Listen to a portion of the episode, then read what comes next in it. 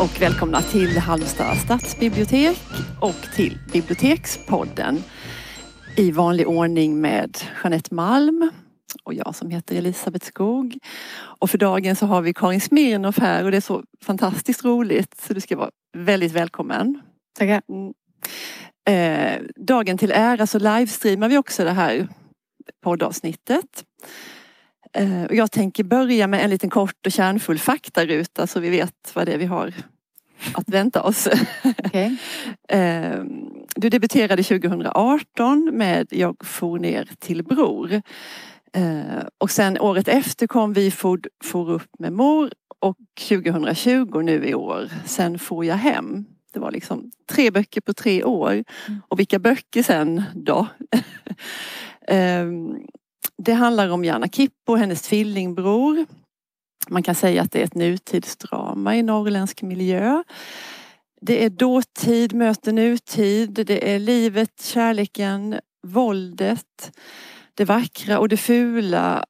Och vi tycker att böckerna ställer frågan om finns det förlåtelse?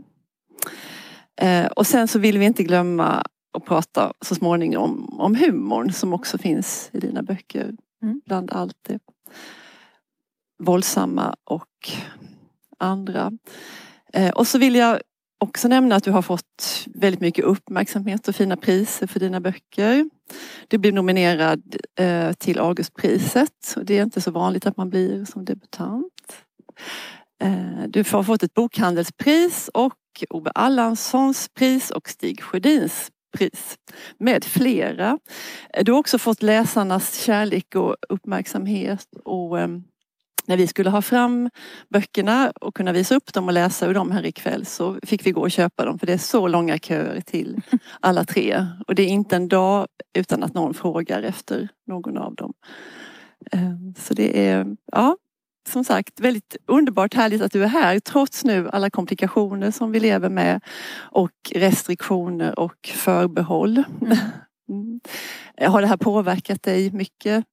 Mm. Jo men det har ju särskilt i våras för då blev väldigt mycket inställt.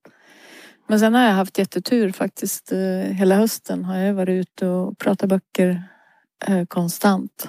Mm. Så nej men det rullar på rätt bra. Det är nu då det är som nu. det blivit tvärstopp. Mm. Så att, eh, nu blir jag ledig. Ja. Mm. Du har ju fått som Elisabeth så enorm uppmärksamhet kring de här böckerna och eh, för egen del så läste jag dem ganska nyligen eller inför ditt besök för jag hade inte fått tillfälle att läsa först. Och jag du kunde inte låna dem eller var det så? Förlåt? Du fick inte låna dem på bibblan? Nej precis. Eh, började på första boken och blev fullkomligt ja, jag vet inte, det var en form av besatthet. Jag kunde inte sluta läsa och det här förstår jag har hänt alla andra som läser den. Att man måste prata om Jana Kippo hela tiden. Som om hon var en verklig person. Du har upplevt det här, det är många som har ja, sagt det. Ja. Mm. Det händer ju inte så ofta. Vi är ju storläsare, vi läser hela tiden men det är någonting som man håller för sig själv. Men vissa böcker så måste man dela med sig och man måste läsa högt hela tiden. Jag tycker det är så fantastiskt att du eh, har kunnat skapa sådana eh, såna verk. Hur, hur, gör man det? Man skriver. Mm. Eh, nej, jag vet inte. Jag har väl i och för sig skrivit väldigt länge. Det har jag. Jag har alltid skrivit så länge jag kan minnas egentligen. Eh, men just de här böckerna har ju tillkommit väldigt fort. Eh, ja. ja. Så, ja, men jag vet inte, jag funderar inte så mycket på hur jag skriver och vad jag skriver utan jag sätter mig ner och jobbar och så försöker jag hålla någon sorts disciplin. Mm. Eh, och så skriver jag ganska fort. Så att jag blir färdig rätt snabbt. Men sen så är det ju ganska lång redigering efter det. Mm. Men den här, det är ju en väldigt säregen stil som många också kommer och säger att man liksom studsar lite för innan man är van vid mm. liksom ditt skrivsätt. Det här med att namnen, det är aldrig några versaler på namnen och de skrivs ihop. Mm. Eh, sparsamt med skiljetecken, det är punkten som gäller, det är mm. inte, ingen kommatering och sådär. Eh, men liksom, hur kom du fram till det sättet att skriva? Hur blev det, var det naturligt för dig? Eh, ja, på ett sätt så är det för jag tycker det är ganska skönt att slippa skiljetecken. Mm.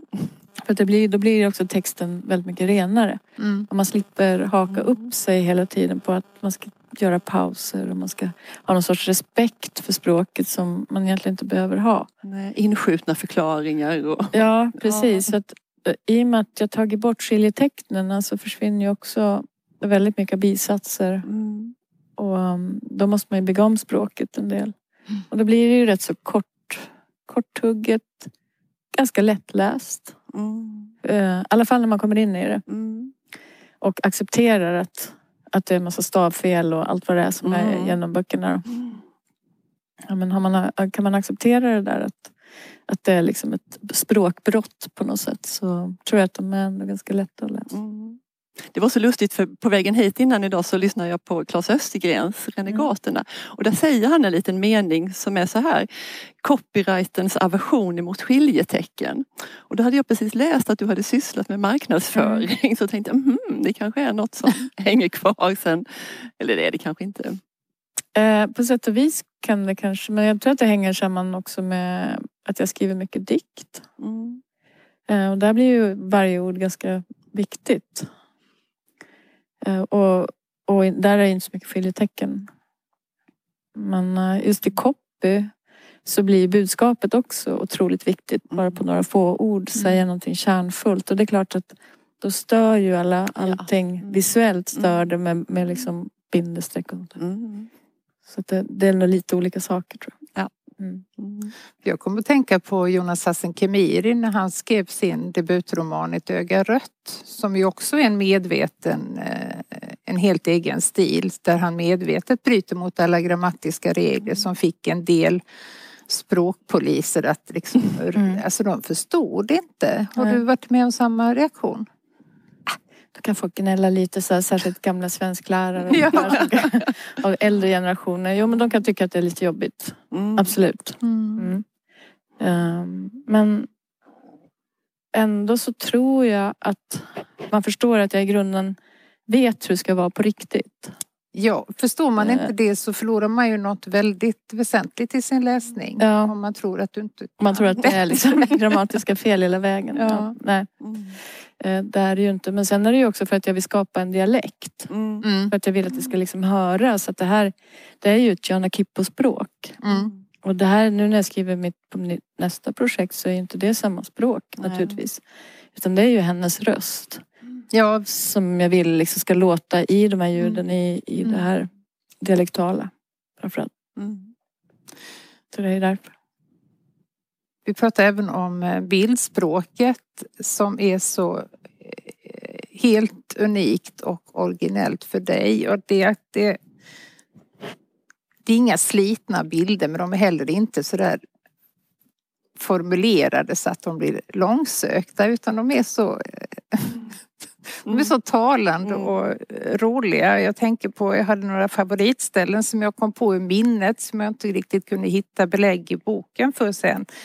Men det är om ett handslag och det liknar då vid att han sträcker fram handen med handslaget hos en strokepatient som kramar en tennisboll. och då, det känner man ju direkt hur det handslaget känns. Mm. Ett annat ställe var att eh, en person som kom emot Jana Kippo med armarna utsträckta i en relationsskapande åtgärd. Någonting sånt, kommer du ihåg det? Mm, det. Sådana människor har man ju också mött. Hennes, eh, hon backar ju i fasa för det här. Mm. Och jag har också en sån här favorit som jag har sagt till Jeanette flera gånger. Ja. Det är när hon ligger, minns jag inte, de ligger tillsammans i en säng och det är väldigt sådär lite stelt mellan dem och de ligger där som två pinnar på en skogsstig. Och det tycker jag också är så Mm. Jätteroligt och bra. Jag tycker att det är kul med bilder. Mm. Och det tror jag också. Då går jag tillbaka till poesin igen. Mm. Att jag tror att det liksom på något sätt ehm, handlar om att skapa bilder. Men sen handlar det också om att kanske att jag är fotograf i grunden och jobbar med bilder. Mm. Och ska man jobba med bilder så måste man ju på något sätt göra, bygga bilder i språket där man inte blir för tydlig. Mm. Utan bilden måste ju sitta i läsaren och inte i, i skrivaren. Mm. Jo, Och, Men det är också livsfarligt på något sätt för det kan bli, som du var inne på, att det kan bli antingen är det nötta bilder eller är de Mm. försökta. Ja, eller försök där Ja. när man ja. förstår att författaren har ansträngt sig för att vara originell och då stör det min läsning. Mm. Men med dina bilder är verkligen inte det. Men hur, hur de kommer till dig då? Du ser det framför dig och du formulerar det i ord. Mm. Du behöver inte sitta och liksom mm, verka fram. Nej, jag sitter aldrig och verkar faktiskt. Jag har det väldigt lätt, måste jag säga. Men eh, mm, nej, men alltså det blir man kommer ju in i någon sorts stämning sådär i skrivandet och då det blir ju hela tiden hennes röst som jag hör inom mig och Ja. jag tänker, hur tänker hon och hur liksom, hur, hur ser hon på världen? Mm. Och hon har ju liksom en väldigt distanserad syn på världen. ja, Ganska krass. hon är väldigt Men- krass. Med en viss humor. Mm. Och, ja. Så det är liksom det jag hör Mm. när jag skriver. Mm. Mm. Eh, Innan det här besöket så hade vi en pop-up läsecirkel eh, som är liksom en engångsföreteelse om någon bok som vi är intresserade av och som har aktualitet. Eh, Och då så i den här gruppen så försökte vi komma fram till olika teman som, som boken behandlar. Och eh, ett av de temana tänkte vi var eh, moderskapet. Att det är något som det finns många mödrar och man är, man är någons mamma kanske och eh, att förhålla sig till. ehm, och något som återkommer flera gånger i böckerna det är ju det här att Jana Kippos mamma inte kunde skydda henne. Mm. Och det där att kunna skydda sitt barn, att det är någonting som är så, så förknippat med modersrollen. Mm. Man ska kunna det. Ehm, hon broderade eh, bibelcitat på dukar och tittade bort och var inte den här som beskyddade. Mm. Ehm, sen, ja, alltså, det har jag funderat på och sen så är det också en scen i, i den sista boken när Jana Kippos dotter Diana sitter, har varit med om en bussolycka ehm, och sitter fastspänd i bussen och när Jana Kippo ska till varje pris ska hon in i bussen och hon, det känns så starkt att hon, Mm. hon vill rädda sitt barn, hon vill hjälpa sitt barn. ehm, och hon, de skriker åt henne, nej gå bort därifrån och det är farligt och hon får tag i en steg och klättrar in och sådär. Ja, jag, jag tänker på de här sakerna med, med modersrollen där. Mm. och sen och det är ju inte så att det blir jätteenkelt för det för att hon får visa där i stunden att hon kan skydda sitt barn. Men jag tycker ändå det var liksom en fin scen att den fick vara med. Mm. Nej, för att i scen, scenen därpå så är hon ju tillbaka igen i sin inkapacitet egentligen. Ja. Att Mm. relatera till Diana. Ja. Så Diana åker ju hem. Mm. Men hon fick ändå där och då så var det väldigt starkt Mm. att hon ville det och jag var så Ja, glad för absolut. det. Mm. Jo. Alltså det är inte så att hon tycker illa om sitt barn. Nej. Eller inte vill vara med henne, det tror jag Nej. inte. Men hon, hon har väldigt svårt att relatera till Diana därför att det är inte vuxen-Jana hon Nej. vill åt utan Nej. det är barn-Jana. Mm. Mm. Mm. Eller Diana. Diana. Mm. Barn-Diana. Mm. Så det, det är liksom, sen finns det ju massa andra paralleller. Det finns ju väldigt mycket just om mödrar i böckerna och det här skammen att inte kunna ta hand om sitt barn. Mm. Och inte kunna mm, att inte kunna vara den där duktiga modern. Men sen finns ju också det här med, med just det här med förlåtelsen i det hela som du var inne på också Mm. det här.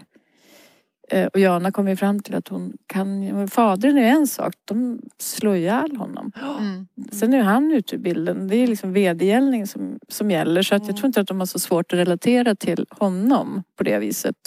Men modern går inte att förlåta. Nej. Och det, det är hon ju helt övertygad om. Mm. Att, Mm. eh, hon gjorde inte vad hon skulle. Nej. Det är oförlåtligt. Mm. Mm. Vilket det, det ju är på ett sätt. Ja. Mm. Mm. Men du skulle också kunna gjort det väldigt lätt för dig och oss att låta den här återföreningen Mm. mellan Diana och Jana bli liksom lycklig. För att det förväntas nästan. Mm. Eh, Mm. Men det gör du inte. Nej, Du komplicerar det. precis. Jag har inte kommit fram till... Jag hade ju tänkt i bok två att jag skulle... Det skulle handla liksom om modern och relationen då Mm. mellan henne och hennes liksom familj och tillbaka till Maria och, och Jana då och bror. Men jag blev så trött på henne, på modern. Eh, Så att det blev liksom inte så mycket mer än lite bakgrund från Coco Jerry för att man Mm. skulle ha en Ja. bakgrund var hon Ja. kom ifrån, vad sekten var och det där då. Mm. För sen så kom jag inte på förrän efter jag hade skrivit trean egentligen. Att jag hade angripit det från fel håll. Att liksom problematiken li, lå- ligger på ett mycket djupare plan. Det handlar inte om att det här var moderns liv bakåt. Just därför så blev hon så här. För det är väldigt ointressant. Mm. Mm. För det finns ingen, finns ingen automatik i det. Nej. Nej. Så därför så, så kändes det bara, jaha, men det kan jag ju inte skriva om då. Så att det följer liksom. Mm. Så kanske, men sen när jag hade skrivit trean så tänkte jag, ska jag någonsin skriva en fyra? Så tror jag att jag ska, ska gå in i de relationerna lite djupare. För då fick jag ju Nicky också. Och Mm. hennes försvunna mamma. Mm. Och att de är så lika varandra att det blir liksom på något sätt en parallell där som går att undersöka. Mm. För att det handlar ju bara om ett undersökande. I alla mina böcker så handlar det ju om att jag själv undersöker någonting Mm. utan att egentligen komma fram till så mycket. För det gör jag ju inte.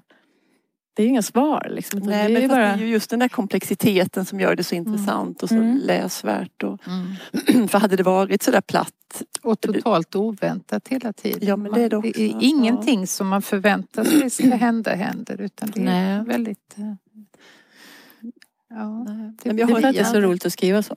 Mm. Också. Men hade du skrivit alla tre böckerna och gav ut dem en och en eller skrev du en och gav ut? Mm. Och du visste att det skulle bli tre böcker? Nej. Nej. Jag skrev en. Och sen så, för jag gick ju i, i Lund på Mm. författarskolan där. Mm. Jag hade skrivit den på första terminen och då skulle jag göra något annat. Eftersom det var examensarbetet. Jag hade Du var redan färdig. Jag var redan färdig. Så då fortsatte jag, men då skriver jag väl en del till då tänkte jag. För att jag var som inte klar heller med Jana. Nej.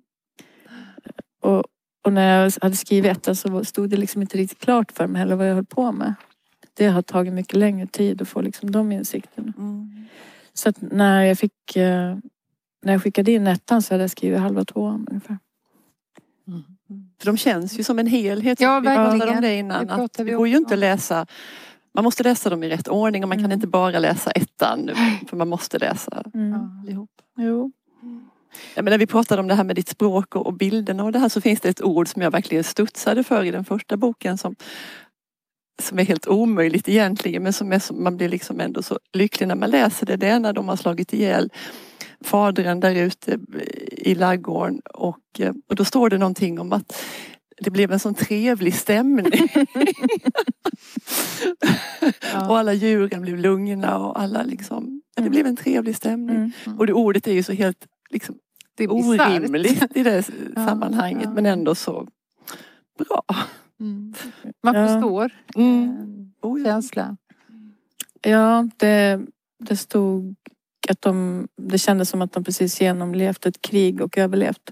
Någonting sånt. Mm. Men också ordet trevligt. Ja, men det kanske Ja, är. men- ja, ja. ja. Men det blev trevligt. Mm. Ja, Jo. När de blev av med honom.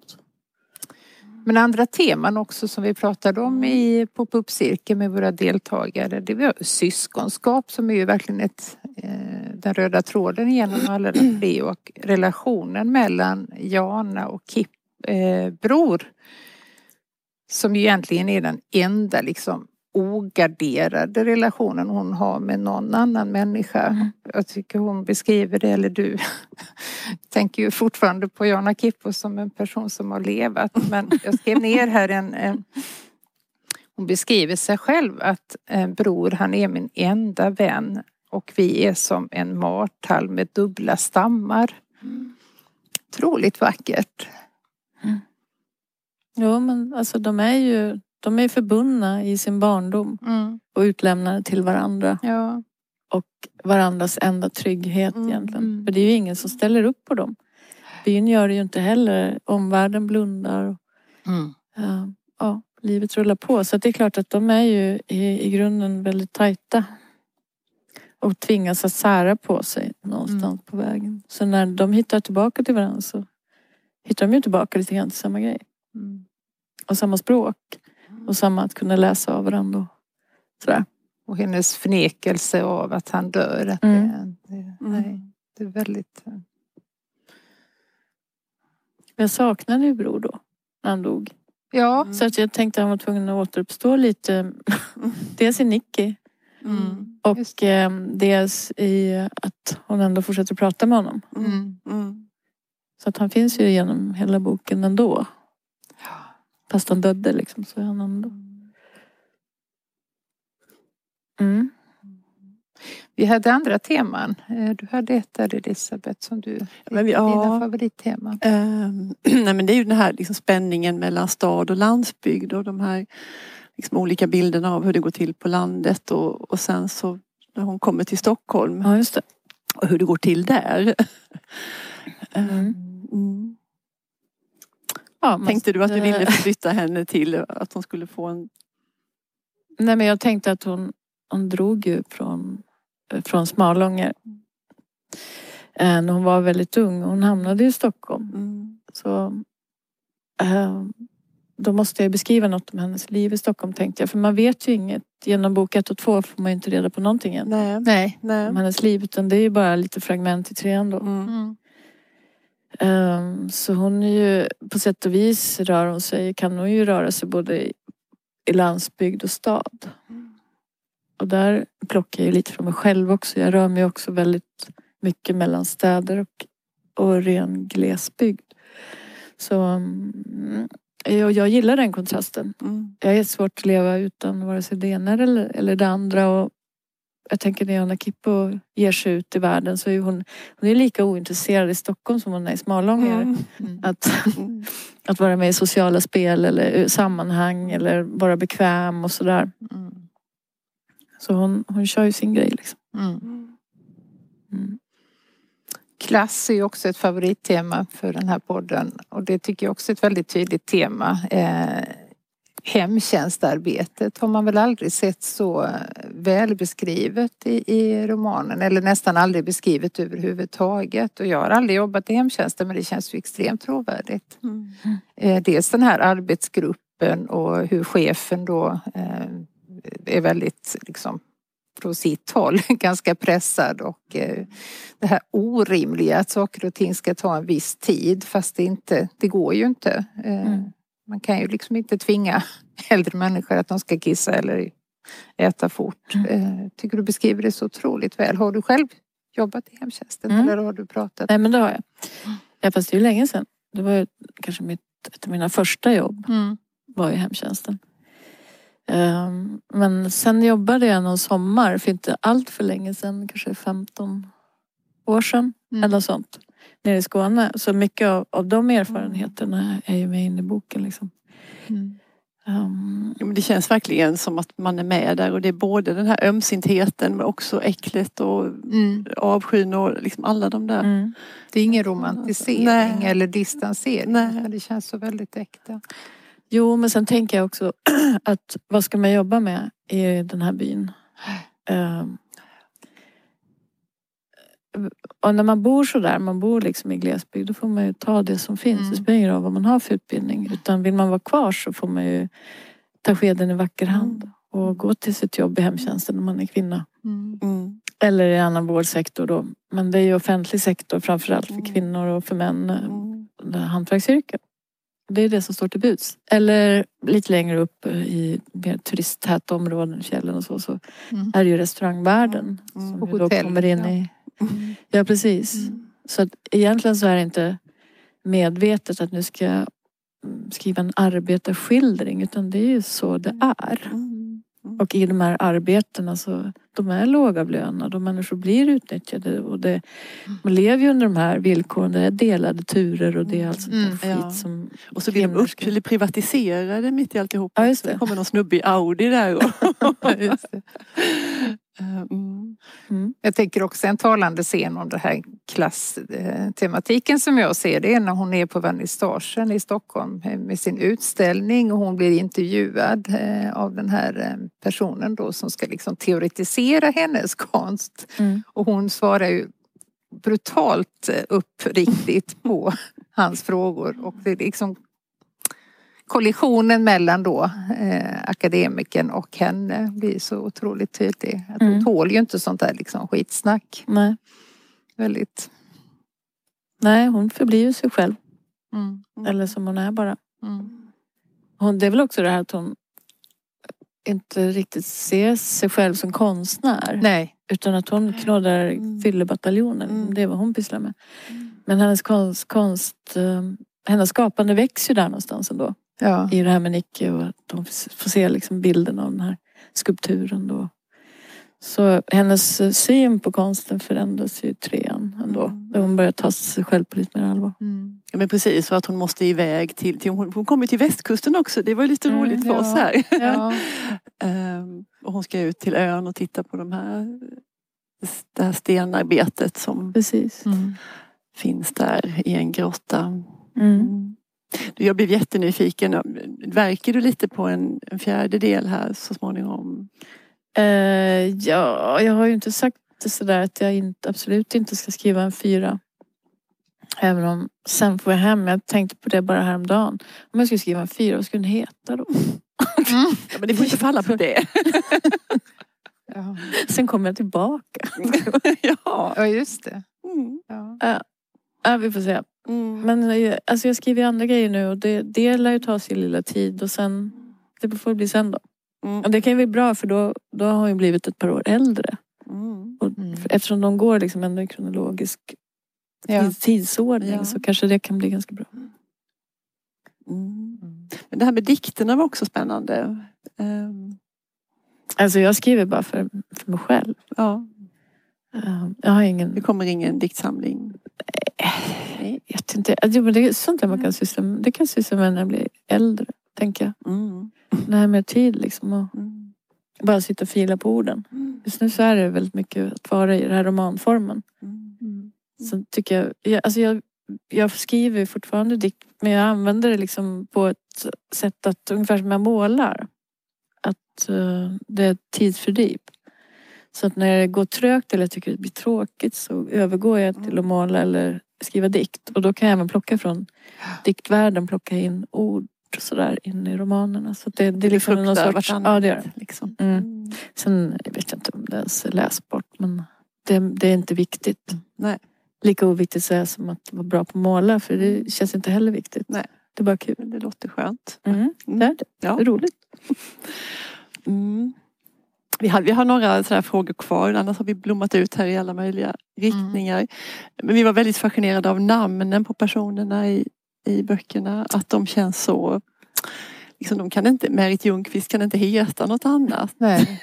Nej. Eh, Men hur gick det? Kom det också sådär självklart för dig? Eller höll på, jag, tänker så att du smakade på namnen. Mm. Mm. Eller, Ja, alltså de flesta efternamn och sånt har jag försökt att hålla det till liksom efternamn som är vanliga där. Inte alla men många i alla fall. Eh, Men sen... eh, Nej. Alltså, det är väl namn som jag tycker passar liksom. Men sen har jag bytt ut vissa när det har blivit för många så namn som börjar på M och så här, Men det är ju förlaget då som har haft Mm. sådana invändningar och det är bra. För att det blir för lätt att blanda ihop folk annars. Så jag tycker inte att man gör det just för att de är så, de, de skulle, var och en skulle inte kunna heta någonting annat. Nej men vi har, vi har liksom jobbat lite med det så att det inte ska Ja. gå ihop. Det är ju till och med någon Smirnoff. Mm, ja, precis, som bara dyker upp. Så. Ja, ja, visst. ja, och Stephen King måste vi också Ja. fråga om. Ja, Steven ja. Steven. ja. Tänker mig att han heter. Mm. Stephen King. Att han Mm. liksom, mm. så här, hans mamma missuppfattar det. Ja, han är ingen kul person. Nej, det är väl synd att säga. Nej, Man blir väldigt orolig när han dyker upp tycker jag. Ja, precis. Mm. När man, känner, man vet ju att det är någonting obehagligt på gång liksom, eftersom Mm. han är som han är. Då, men, Eh, jag, vad jag gillar med Jana är att hon liksom blir aldrig ett offer.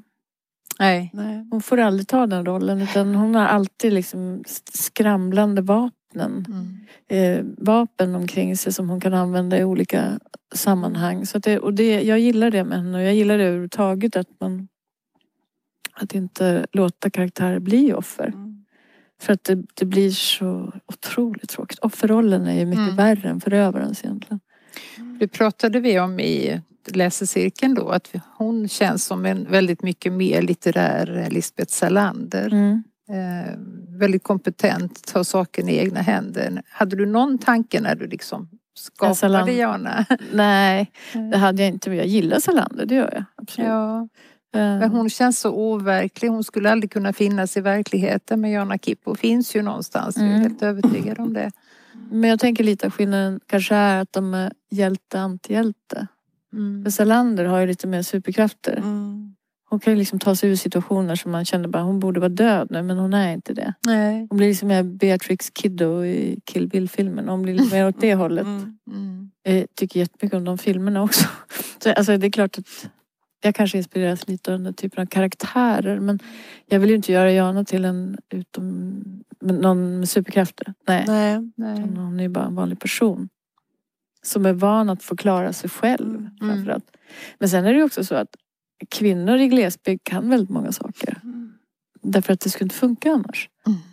Och mm, de, de är duktiga på det här praktiska. Mm. Donandet med ved och ta sig fram med, med en skoter. Ja. Skjuta en björn. Skjuta en björn. Ja, alltså det är många kvinnor som är med i jakt och fiske och så. Där uppe. Där. är- Mm. Nej, vi, det finns så... Vi har ju pratat väldigt mycket om dem med varandra och så att det finns otroligt många trådar som man skulle liksom, liksom bygga vidare på. Mm. Små bihistorier. eh, Mm. Så att det finns ju egentligen väldigt många böcker till du skulle kunna Ja, säkert. utveckla de här Mm. som man vill veta mer om. Men Mm. vi kanske får nöja oss så här. Men vi vill gärna ha lite högläsning. Ja, Mm. Vi har varsitt önskemål. Okej. Det är inte jättelånga stycken men det är två partier som vi är väldigt förtjusta i. Om du kan tänka dig att läsa båda. Absolut. Mm. Mm. Och det råkar vara så att de är från eh, tredje boken. Ja. två. Ska vi ta det, eh, ditt var lite före mitt så ska vi ta Ja. det före då.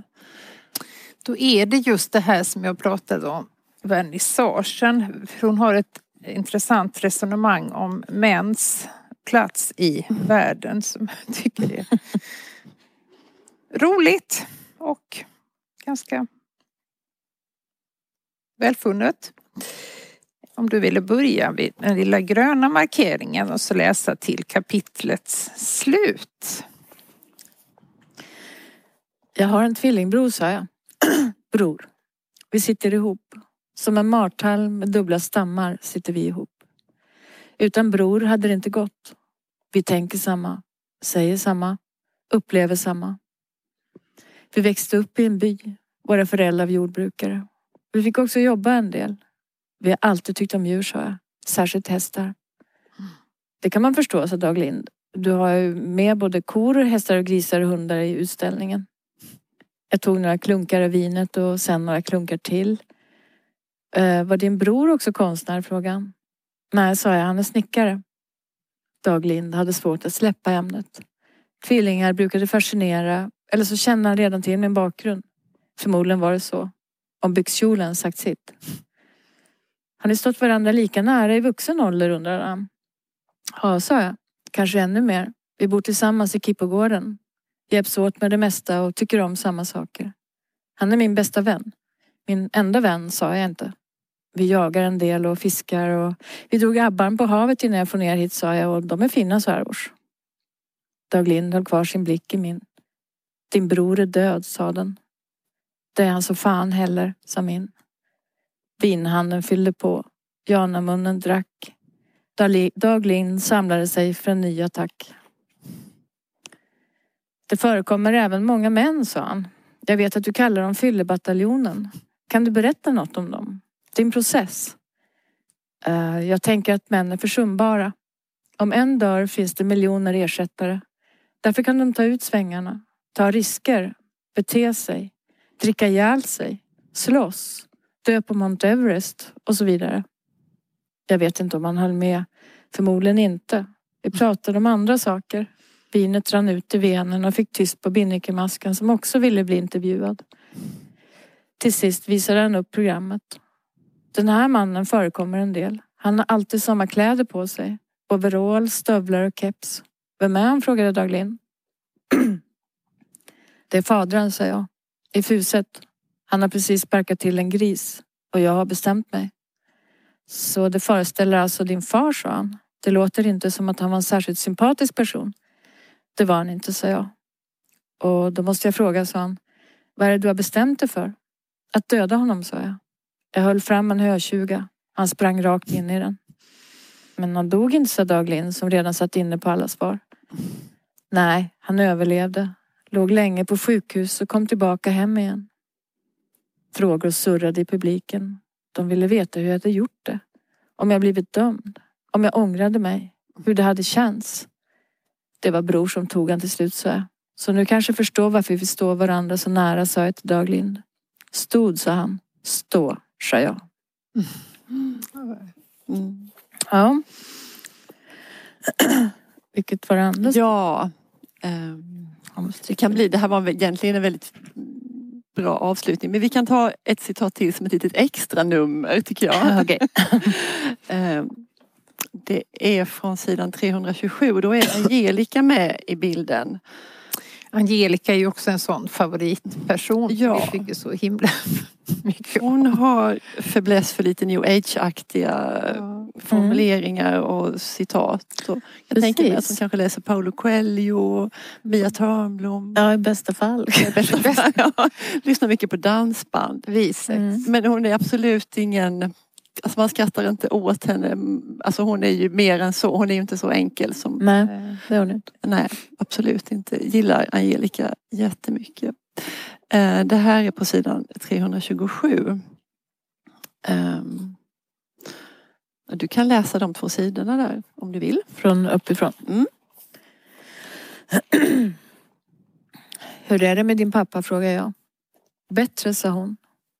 Jag föreslog att vi skulle ta en kopp kaffe. Hon tvekade i dörren. Bestämde sig till slut för att stanna. Jag matade vedspisen, fyllde kaffepannan och lät den koka upp. Radio Västerbotten besökte en grisbonde i Bjurholm och Angelica satte sig vid bordet och, be- och väntade på att jag skulle säga något. Jag var förbi Gösta Grönlund, sa jag till slut. Ville se huset en sista gång. En sista gång, sa hon. Var det inte du som ärvde? Det vet jag inget om, sa jag. Så pass, sa hon. Gick du upp på vinden? Angelica var av ett nyfiket slag. Hon hade varit där. Det såg jag på henne. Jag hällde upp hetkaffe i varsin mugg och satte, på mig John, satte mig på Johns plats. Bredde en mjukkaka, gav halva till Angelica. Hon hade magrat, åt av brödet utan att ha på mer smör. Guds bröd kommer från himlen och ger världen liv, sa jag. Johannes 66.33. Där mitt i stormen finns ett hav av ros, Angelica. Vi 698.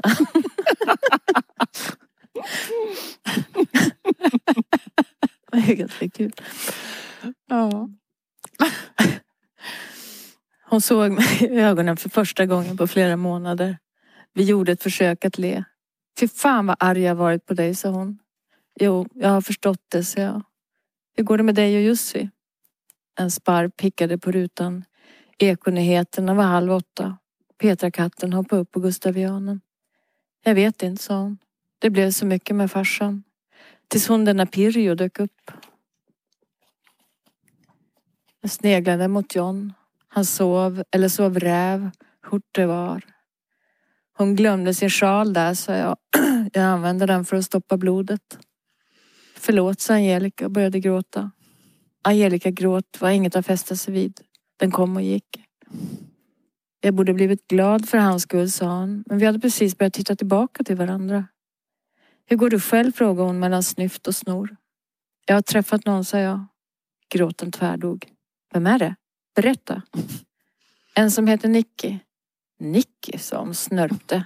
Det låter utrikes. Som Nicky Lauda. Är han inte svensk? Jo, då sa jag. Var bor du numera? frågade jag för att slippa fler, fler frågor. Hos Petra, sa hon, på hennes soffa. Det funkar när hon jobbar. Jag kommer när hon går. Men när hon inte jobbar är det värre. Ja, du vet ju hur hon är. Ditt rum i Kippogården finns kvar, sa jag. Du får gärna bo där om du vill, sa jag som botgöring. Diana bor hemma tills benet är bättre, men hon sover där nere. Jussi kommer hit om några dagar, sa hon. Gäller det honom också? Jag höll kvar min blick i hennes. Självklart, sa jag.